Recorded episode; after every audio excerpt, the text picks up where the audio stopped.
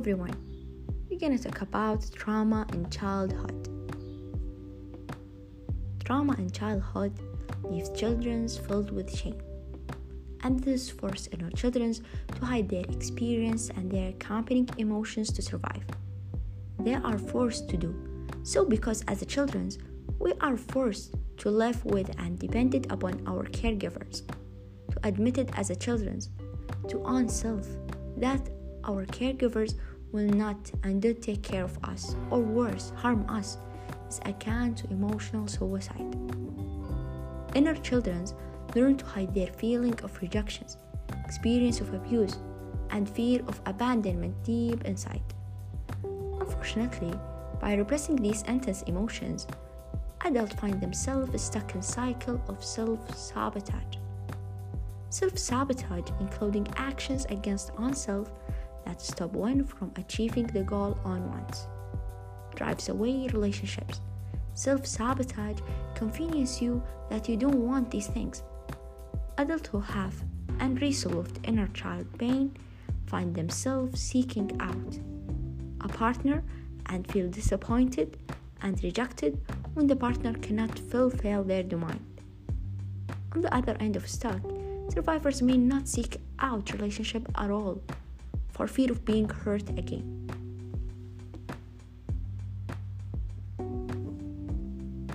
There are many methods for meeting and expressing your inner child, including any or all the following. First of all, doing inner child visualizations to meet and understand your inner child better. You will want to visualize them. You can utilize your safe place in your mind to do this or just lie down and imagine your inner child standing before you. Then, after introducing yourself, ask all the important questions come in your head, such as What do you need the most from me?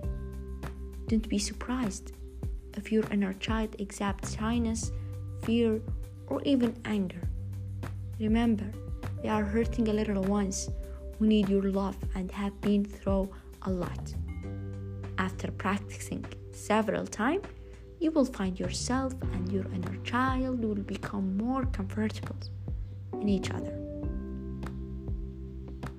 Also, you can reading and internalizing supportive affirmations.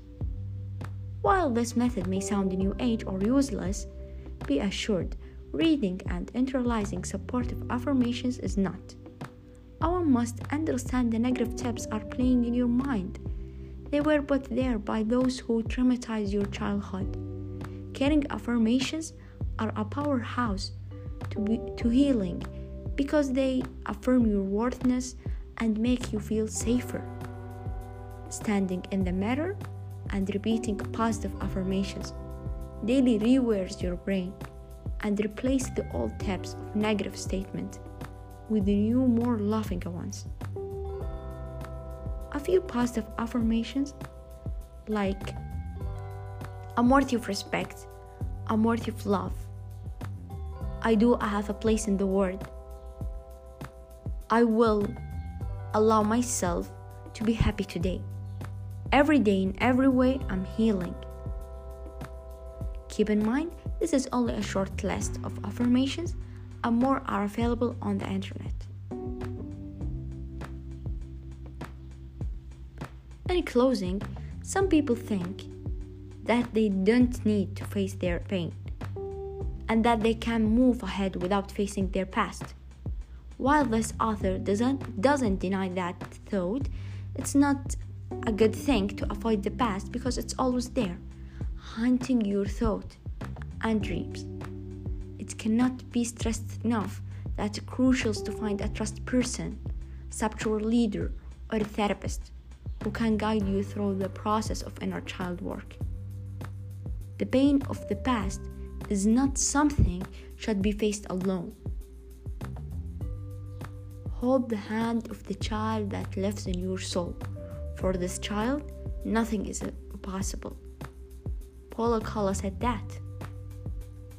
The real you are still a little child who never grow up. Sometimes that a little child comes out when you are having a fun or playing when you feel happy, when you are painting or writing poetry or playing the piano or expressing yourself in some way. These are the happiest moments of your life. When the real you are comes out, you don't care about the past and you don't worry about the future. You are a childlike. Miguel Angel said that also. And remember, it's okay to be not okay.